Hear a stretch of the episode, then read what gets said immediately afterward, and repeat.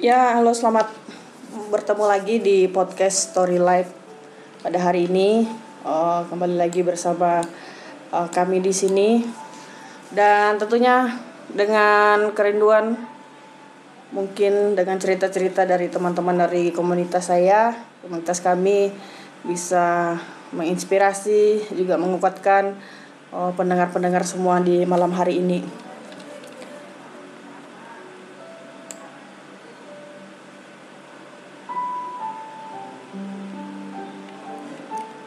Baiklah, malam hari ini langsung aja tanpa berlama-lama.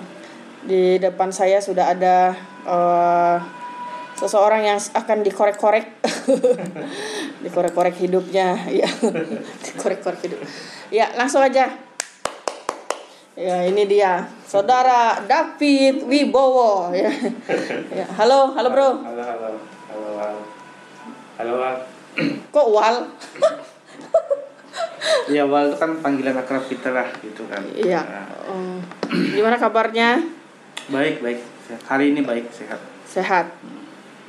Eh, setelah eh, sekian purnama ya. Dua kali purnama. Dua kali purnama. Dua kali purnama mungkin. Oke, eh, saya cerita latar belakang keluarganya terus tumbuh di dalam keluarganya seperti apa sih sejak kecil gitu. Ya, ya. Kalau latar belakang eh, sebenarnya tumbuh dari keluarga yang awalnya itu dikatakan bisa dikatakan itu normal. Eh, kalau secara finansial ketika itu seingat saya sih berkecukupan ya. Kalaupun pernah mengalami masa sulit mungkin saya sangat kecil karena sempat mendengar juga memang ada ada ada ketika pada saat sedang perintisan rumah tangga itu memang dulu seorang tua sempat cerita sedikit hal yang berusaha yang mencari nafkah dengan cara-cara seperti apa. Tapi ketika saya sudah mengerti eh, sudah usia sekitar TK SD itu yang saya rasa sih sejujurnya waktu ketika itu sampai SMA itu tidak eh, sorry iya sampai SMA benar. Itu eh, tidak melihat adanya kalau kekurangan dari sisi segi finan- finansial Finansial ya. Ya. Termasuk eh, keluarga yang berkecukupan ya. cukup lah gitu. Uh-uh. Saya nggak bilang lebih tapi yang pasti cukup. Ya gitu. apalagi ayah eh, seorang pejabat ya. ya bisa Pada dikatakan saat itu, demikian. uh-uh. nah. Cuman walaupun eh, papa tuh seorang pejabat ketika itu memang tapi eh, tidak pernah memberikan kami itu yang lebih seperti layaknya anak, Anak pejabat yang, yang lainnya. setingkat itu gitu. Jadi tetap ibaratnya kalau dibilang jajan sekolah itu tetap di bawah di bawah daripada yang itu. Jadi disetarakan dengan yang penting cukup untuk hari itu aja gitu jadi nggak pernah dikasih per minggu dikasih lebih apa terus per hari nggak pernah. Jadi memang dipres aja. Jadi ketika ada ada ada suatu ketika keluarga ini sudah mulai goyang gitu kan di mana ketika dibilangnya kalau kita bilang itu apa sih orang tua juga jatuh ke dalam perjinahan eh, harus apa Iya, namanya? iya. dan itu belasan tahun gitu kan berjalan belasan tahun dan itu mulai jatuh semuanya eh, yang namanya harta benda tuh habis gitu kan. Nah, tinggal satu-satunya rumah yang, diting- yang ditempati pada saat ini. Nah itu ketika bertumbuh dari kecil sampai besar eh, eh, kami itu dididik kayak kayak semi otoriter gitu loh. Mm-mm. kayak semi otoriter jadi eh, kalau papa tuh nggak pernah jarang ngomong dia kalau masalah mendidik membina tuh dia jarang ngomong. Dia hanya Tapi- banyak bercerita. ya, nah tapi- tapi, eh, tindakannya ini loh yang yang bikin kami tuh takut gitu kan. Karena pernah dia diam dia diam tiba-tiba ambil tindakan gebrak gitu kan. Dan itu kita pasti sakit. Sakit secara fisik gitu kan. Nah kalau dari mama ini memang dia keras. Baik di mulut baik jadi kita tuh kayak distrap kayak zaman dulu lah Alah, zaman dulu kan berdiri di ujung distrap pulang lambat sedikit ditungguin pakai sapu pakai apa. Pokoknya seperti itulah walaupun kita tahu lah mereka mengasihi tapi pola-polanya aja kita tuh dididik dengan cara seperti itu. Nah, ketika sampai beranjak remaja saya sudah mulai mengerti sampai saya sekolah kuliah itu saya tahu. Oh karena waktu itu eh, dilema kita mau mau keras-kerasan posisi orang tua ini sudah berpisah. Nah orang tuh eh, orang jadi papa mama saya itu cerai ketika itu cerai. Ketika saya kembali ke sini ke ke Kalimantan dari Jawa nah itu saya ikut dalam satu eh, apa komunitas. komunitas lah gitulah. Dan saya peribadatan sebagai gitu ya? Ya sebagai pekerja harian aja di sana. Hmm. nah ketika itu saya setiap hari bilang kalau memungkinkan memang kalau Orang memang kembali. ada ya bisa kembali berdua ini mungkin dipersatukan lagi eh, tolong. tolong kenapa eh kenapa sih enggak gitu loh Tuhan? Hmm. kenapa sih enggak tunjukkan gitu loh? Kalau saya saya itu sampai bilang kalau memang eh, ini dibayar dengan nyawa orang tua ini bisa bersatu nggak apa-apa pakai nyawa saya ambil. Saya ngomong seperti itu. Mm-mm. dan itu saya ngomong di mesbah Tuhan saya ngomong karena saya kerja di gereja jadi saya ngomong dari dari kantor. Nah, nah, iya, eh, saya potong sedikit. Nah, kenapa eh, bisa keluar pernyataan seperti itu dari Eh, waktu gini, itu umur berapa? ya. Waktu itu umur waktu itu umur 23-an 23-an, 23 ya, 24 lah rasanya Hmm, kenapa kok Ya. bisa muncul kayak gitu keinginan? Padahal kan mungkin ada banyak orang toh orang tua juga sudah sekian lama, Ah. oh, bahkan ada yang dendam, marah kalau bisa Ya. jangan pulang atau kalau bisa bapaknya dihajar atau gimana gitu. Ah, nah gini. dari eh, Bro David ini muncul Ya. namanya keinginan eh, supaya orang tua bisa kembali lagi. Hmm. Eh, tuj- eh, sebenarnya tujuannya cuma satu waktu itu. Kenapa sih saya bilang harus eh bukan harus karena memang kalau bisa Tuhan ini. Karena saya itu cuma mau menyatakan bahwa jangan cerai gitu loh. Karena sebelum mereka cerai, sebelum mereka apa, itu saksi kunci saya. Dan dilakukan mediasi di persidangan pun saya juga yang jadi yang jadi penentu Iya. ketika tuh. Loh, saya- jadi saya ini merasa bukan merasa bersalah sih. Cuman papa tuh nanya saya, mama juga nanya saya. Lalu saya kembalikan loh, ini kehendak siapa gitu loh saya bilang. Kok jadi ke saya waktu itu gitu. Saya juga bingung. Posisi sebagai Iya. anak tertua, Iya. laki-laki, Nah, saat itu sudah saya sendiri yang ada di sini yang usia yang dua- usia berapa waktu itu? Sekitar 20-an. 23 2 eh sorry, sekitar ya 23 24 lah. Sekitar 23 24. Di mana nggak perasaan waktu itu marah kah, kecewa kah, luka kah? Oh, kecewa. Kalau kecewa sama eh, orang tua iya. Kecewa sama orang tua iya. Eh, tapi waktu itu saya nggak kecewa sama Tuhan. Nah, itu. Makanya saya bilang Tuhan kalau memang ini, jadi saya tetap menjaga hubungan baik. Karena memang di situ tuh ada dua sebenarnya permintaan saya. Ada dua permintaan saya. Karena adik saya nomor dua ini kan eh, pergi pergi dari rumah karena kondisi rumah tangga seperti ini. Dan dia pergi itu 13 tahun kalau nggak 14 tahun. 13 tahun setengah lah. Dia pergi ke daerah yang jauh. Kalau dari sini tuh tiga kali tiga kali ini Ganti eh, transportasi. iya, tiga kali transit Wow. pesawat ketika itu jauh lah gitu kan walaupun masih di Indonesia dan Iya. itu tempatnya di luar dugaan nah, walaupun saat ini ya puji Tuhan mereka juga sudah melayani mereka juga Membangun uh, jemaat. sudah membangun jemaat sudah membangun tempat da- sudah baik lah gitu kan nah, waktu itu memang ada dua ada dua maka saya bilang kalau sampai kalau memang Tuhan mau mereka dua ini papa sama mama ini bisa balik. Walaupun itu mungkin satu banding seribu yang pernah saya tahu. Nggak apa-apa Tuhan. Kalau memang itu harus dengan nyawa dibayar saya ambil nyawa. Ambil nyawa saya saya nggak apa-apa. Kenapa? Saya tuh melihat mama saya itu cukup eh, apa namanya cukup terpukul gitu kan. Sebagai korban ketika itu. Ketika ketika itu kan kita taunya siapa yang ditinggalkan itu yang paling kasihan gitu loh. Sebenarnya ketika kita mau belajar ketika saya juga sudah mendapat pelajaran ketika eh, contoh aja nih kalau saya bilang ketika istri yang istri yang eh, Terluka. Apa? eh, sorry bukan ketika istri yang Ditinggalkan. Serong, istri yang serong, Iya iya iya. itu Oke, kesalahan sorry. dari suaminya. Kalau Iya. suami yang serong itu pasti ada kesalahan dari istri. Titik awalnya itu di situ sebenarnya. Ketika itu saya hanya justifikasi bahwa ini ayah saya yang salah. Sudah tidak tidak menafkahi sekian tahun gitu kan. Tapi dia malah mengambil langkah untuk apa namanya untuk untuk pisah. Jadi saya itu double double gitu loh, Eh, nggak bisa berpikir dan jernih. Cuman ya intinya kembali ke tadi lah saya bilang. Eh, kalau memang itu bisa terjadi, ayolah Tuhan aku mau gitu loh. Nah ternyata ketika ayah saya sekarat, nah itu itu singkat cerita ketika dia sekarat, dia ada SMS ke mama saya gitu loh dengan pernyataan berapa sekian. Akhirnya kita jemput kita ke Jakarta, kita jemput dengan kondisi kritis, eh, cepat dirawat sebentar, sudah bisa naik pesawat kita kembali ke Kalimantan. Sejak itu mereka kembali dan itu sempat mengalami stroke ringan, eh, dirawat sekitar satu bulan di Palangkaraya di rumah sakit. Selesai itu akhirnya tiba-tiba eh, dua orang ini sepakat gitu loh. Sepakat ya udah eh, dilanjutin lagi bahtera rumah tangganya gitu.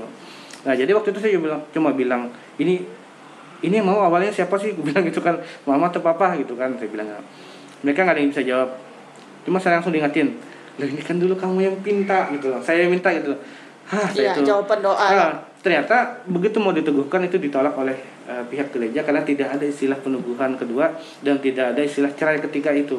I- Waktu itu hanya dinyatakan cerai secara administrasi eh, tatan dalam Tat- iya, surat menyurat. administrasi negara, Negara, aja. iya. Mm. Jadi catatan sipil diulang, terus bukan diulang, catatan sipil disahkan kembali Perbarui. secara agama tidak ada penubuhan lagi. Jadi mereka dua kembali bersatu. gitu. Iya, iya. Berarti eh, termasuk yang mengalami eh, Sesuatu ketika minta sesuatu dengan Tuhan, tapi cara Tuhan itu justru Iya. eh, yang membuat orang itu berada di pojokan mau tidak mau harus berbalik gitu ya. Iya. Karena harus jatuh sakit dan segala macam yang dicari juga keluarga gitu ya. Nah, dari eh, kejadian ini kan ini ceritanya nih eh, berdampak gak sih secara eh, personal Bro David gitu terhadap eh, baik itu hubungan terhadap orang tua ataupun hubungan dengan eh, orang apa lawan jenis kayak gitu maksudnya? Ada nggak sih pertimbangan-pertimbangan oh gara-gara seperti ini seperti ini atau membangun sesuatu di dalam diri wah aku nggak mau seperti ini. Aku kan banyak sih anak-anak yang karena orang tuanya orang tua boleh gagal tapi kita nggak boleh gagal gitu. Nah yang yang yang Bro David alami seperti apa sih? Ya sempat jatuh kalau kalau ngom- kalau bicara masalah itu ya. Ketika kuliah itu saya sempat jatuh ke narkoba. Gitu kan. bahkan sampai lebih dari inilah.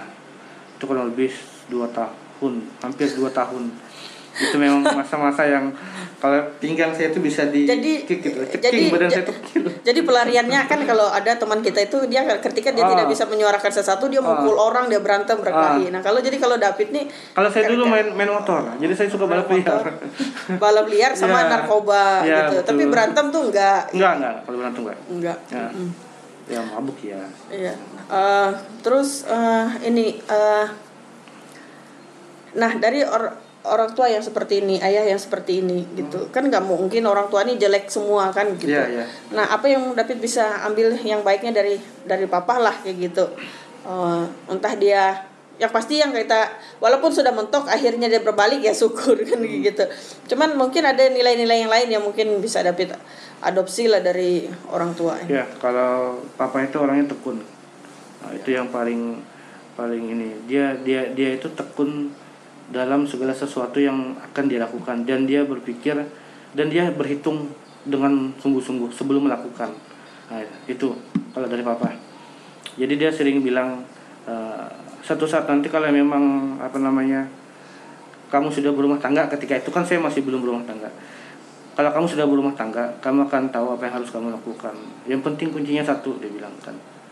Jangan pernah jual Tuhan Yesus. Cuma bilang gitu itu yang dia ingat anu. ya Nah, oke, eh, ini kan dari orang tua yang eh, mapan, kemudian jatuh sakit, terus secara ekonomi juga drop. Nah, waktu itu kan Bro sebagai anak tertua, apa yang Bro lakukan untuk menghadapi situasi itu?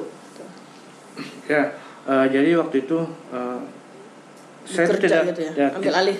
jadi saya waktu itu nggak pernah dikasih tahu gitu loh ke, ke- kondisi di rumah seperti apa Eh, jadi ketika saya pulang mendadak saya memang nggak ngomong saya pulang mendadak ketika dia kok kok nggak tenang gitu rasanya kan Eh, saya pulang mendadak ketika saya buka eh, apa meja makan loh kok Enggak ada. cuma gini menunya tuh aduh di bawah rata-rata lah gitu kan pokoknya nggak ada yang hewan tuh nggak ada gitu aja lah hewan tuh nggak ada gitu aja Berarti tahu tempe. Iya, saya tahu tempe sayur. Hewan nggak ada. Ya gitu, hewan nggak ada ya pokoknya.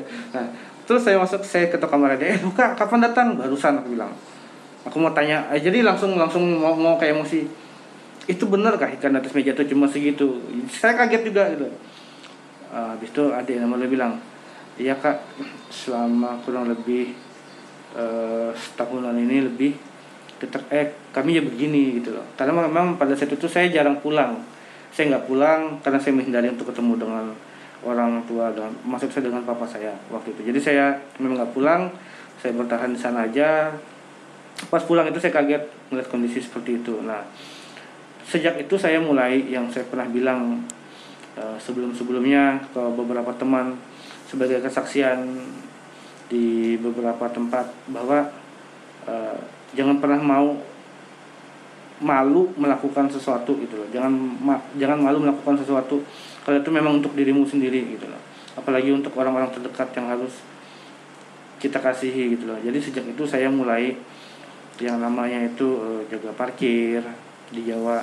Eh, saya itu apa namanya ngamen. Ngamen sih itu bukan berarti kalau ngamen itu cuma sekedar rame-rame. Tapi yang benar-benar saya cari memang untuk ini memang dari jaga parkir itu. Nah sampai ngumpul-ngumpul inilah botol-botolan gitu kan nah, Iya. kurang lebih begitulah Iya, untuk meringankan iya. jadi saya nggak jadi saya itu cuma minta "Eh, mah mulai bulan depan saya separuh aja di transportnya saya ada saya sambil kerja saya bilang saya nggak bilang pekerjaan itu apa gitu itu aja. Iya. Eh, iyalah. Em, eh, setelah sekian tahun ini kan eh, seperti Bro David katakan sempat melayani, eh, sempat melayani di gereja dan segala macam dan sempat hilang juga dan ah, ah, sekarang balik lagi. Nah di tempat yang baru ini tuh eh, apa yang berbeda dari tempat Bro David dulu dan apa yang membuat eh, Bro David menyadari bahwa oh, harus ada yang diperbaiki, ada yang dirubah gitu. Ya, eh, kalau itu sih jelas ya. Jadi eh, di tempat ini kan saya baru sekitar empat tahun, empat tahun lebih lah mungkin atau empat tahun ini aja lah.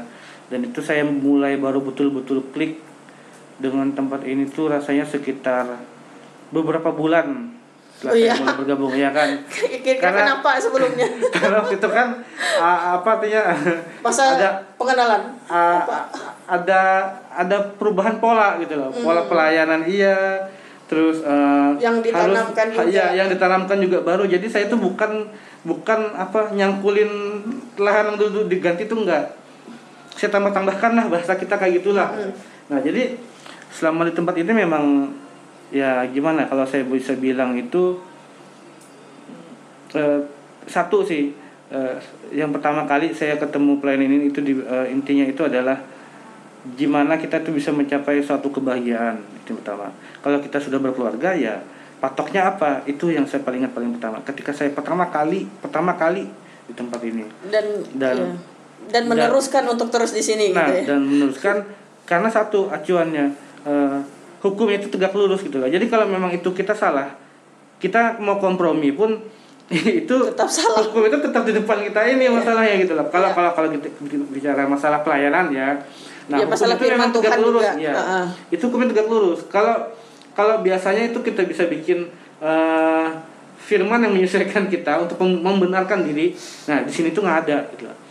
salah ya salah aja malah salah salah yang salah ya semakin di di gimana gimana sampai gitu loh. sadar gitu. Hmm, sampai Antara dua, sampai sadar atau Ya, Iya, ya. mm-mm. Ya. Eh, bisa di Kak, beri contoh nggak sih pengajaran seperti apa sih yang eh, benar-benar aku ingat dulu ya Hmm. ketika aku juga aku juga orang yang pindah-pindah gereja masuk Iya. gereja sana masuk gereja sini belajar sana belajar sini nah sampai ke satu ketika saya ketemu pelayanan ini saya tuh baru tahu yang namanya istilah itu sombong rohani loh Hmm. saya bilang emang sombong rohani itu adakah aku bilang gitu nah agak sedikit tersinggung juga karena apa waktu itu saya ingat saya begitu gagah perkasanya meninggalkan orang tua saya untuk saya pergi eh, mencari Tuhan Iya. pengen mengenal Tuhan menyerahkan diri ke dalam pelayanan untuk dididik gitu.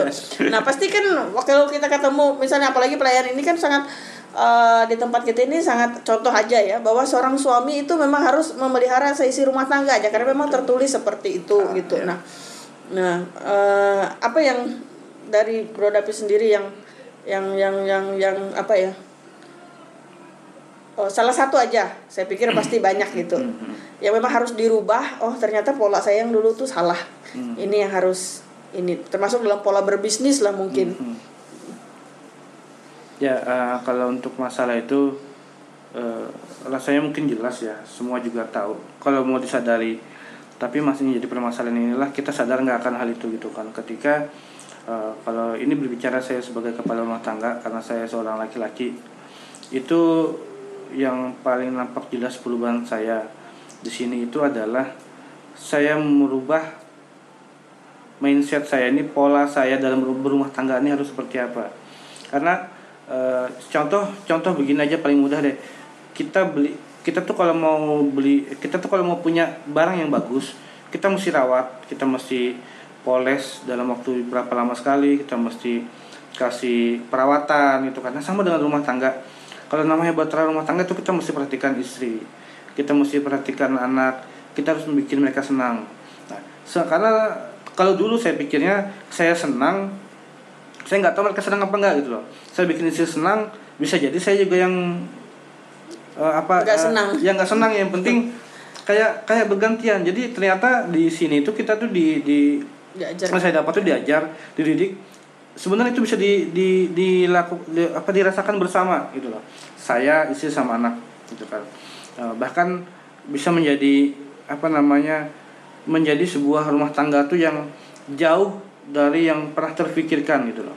Dan sampai hari ini banyak hal yang yang buat saya tuh oh ternyata berumah tangga tuh seperti ini gitu loh. Dan ini asik gitu loh.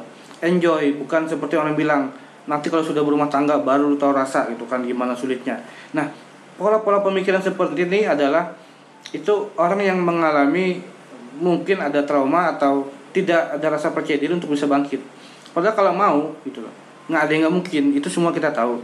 Tinggal masalahnya pola kita ini merubah bahwa sebagai kepala rumah tangga itu siapa yang paling utama didahulukan? Selain isi isi perut gitu kan. Itu kita sebagai istri anak eh, dapur istilahnya tuh dapur tuh jangan sampai nggak ngebul gitu kan. Iya. Nah, terus apa namanya kesukaannya apa gitu kan gitu. nah nanti setelah nomor 5, 6 dan kesekian itu baru bagiannya eh, suami kalau untuk saya. Sebenarnya bagiannya bukan di nomor 5 atau 6 bisa jadi yang utama juga tapi yang utama itu ada ketika yang lain sudah terpenuhi. Nah melihat eh, apa namanya seisi rumah kita ini bahagia kita pasti puas. Itu sih yang saya yang saya rasain. Gitu. Eh, ya, em,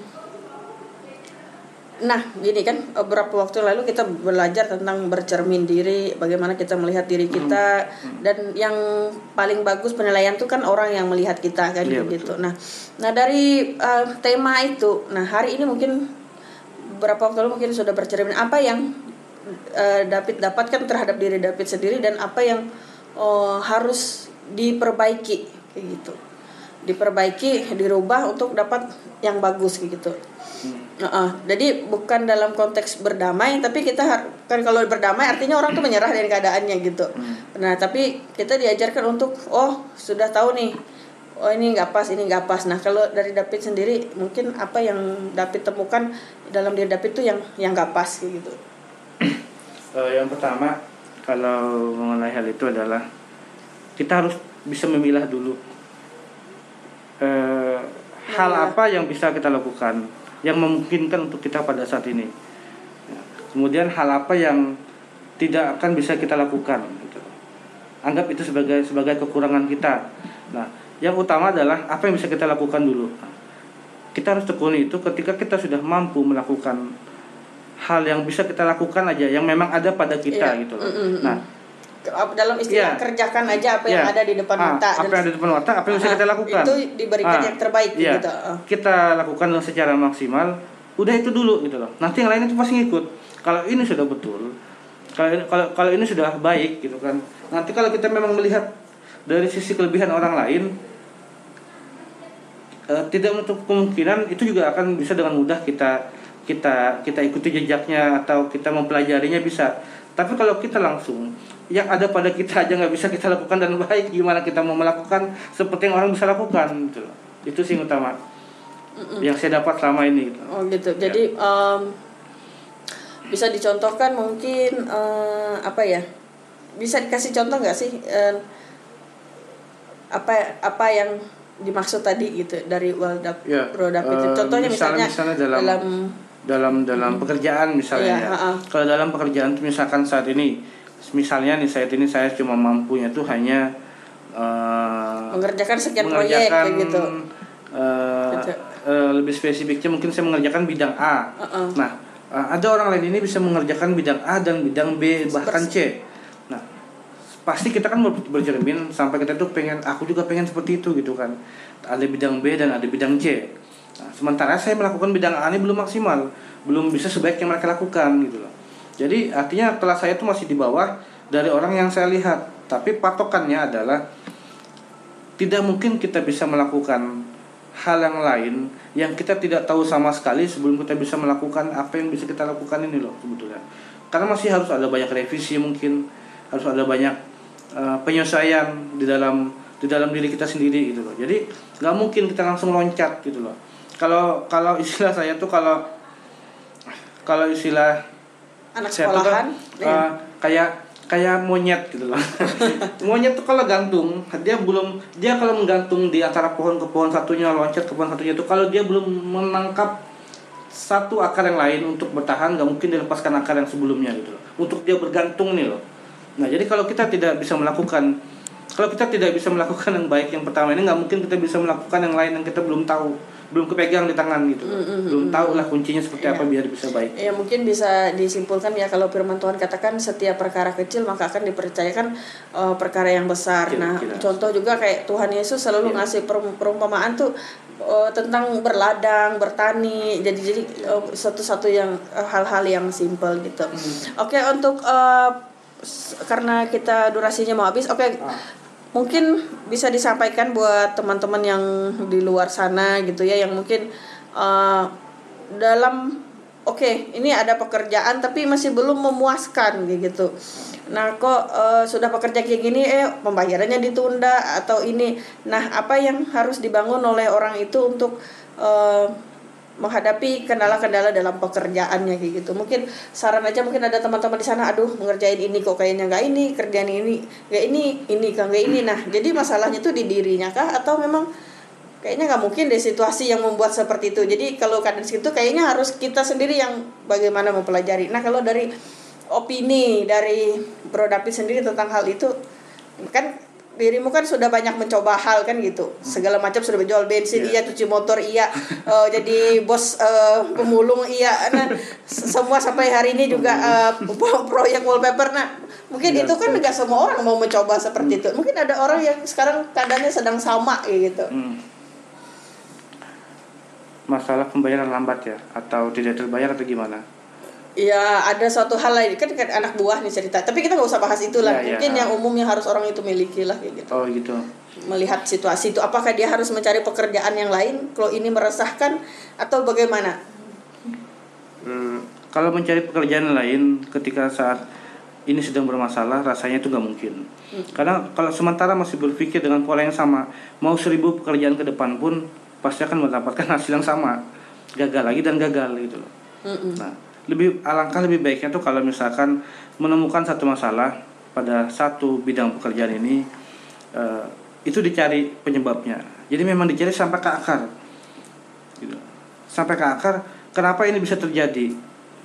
Minimal itu jangan menyalahkan keadaan, jangan menyalahkan orang lain. Jadi eh, bukan menyalahkan diri sendiri juga, tapi introspeksi diri. Kenapa ini bisa terjadi? Itu yang utama sih. Iya. Gitu.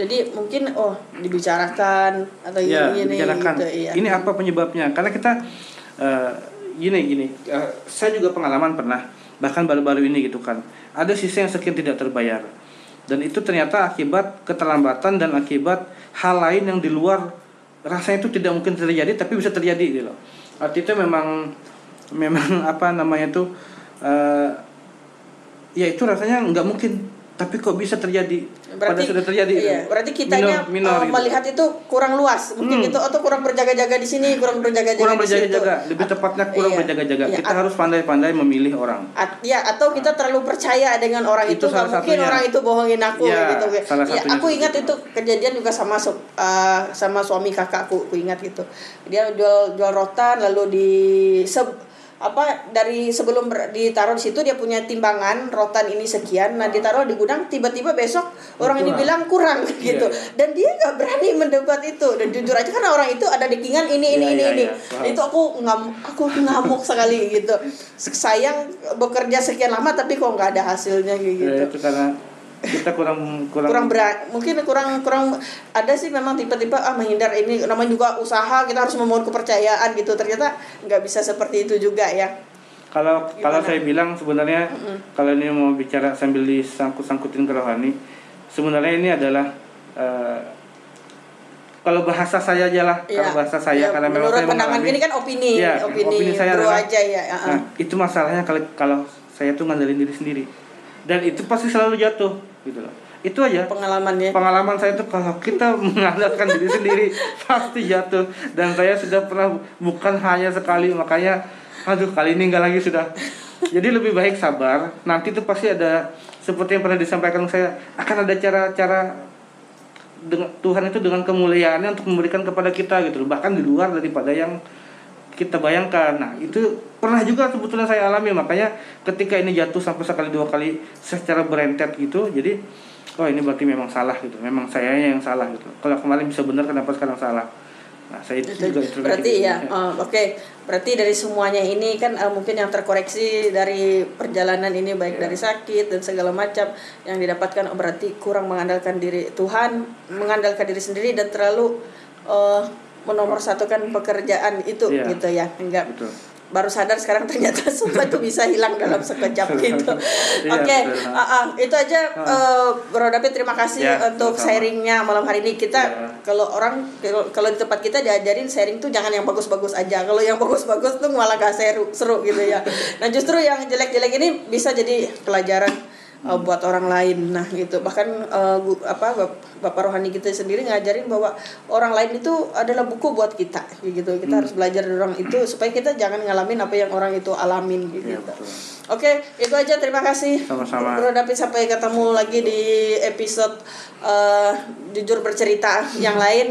Terima kasih Iya. semua buat pendengar. Semoga selalu setia untuk mendengarkan podcast Smart Lives. Selamat ketemu lagi. Tuhan Yesus memberkati.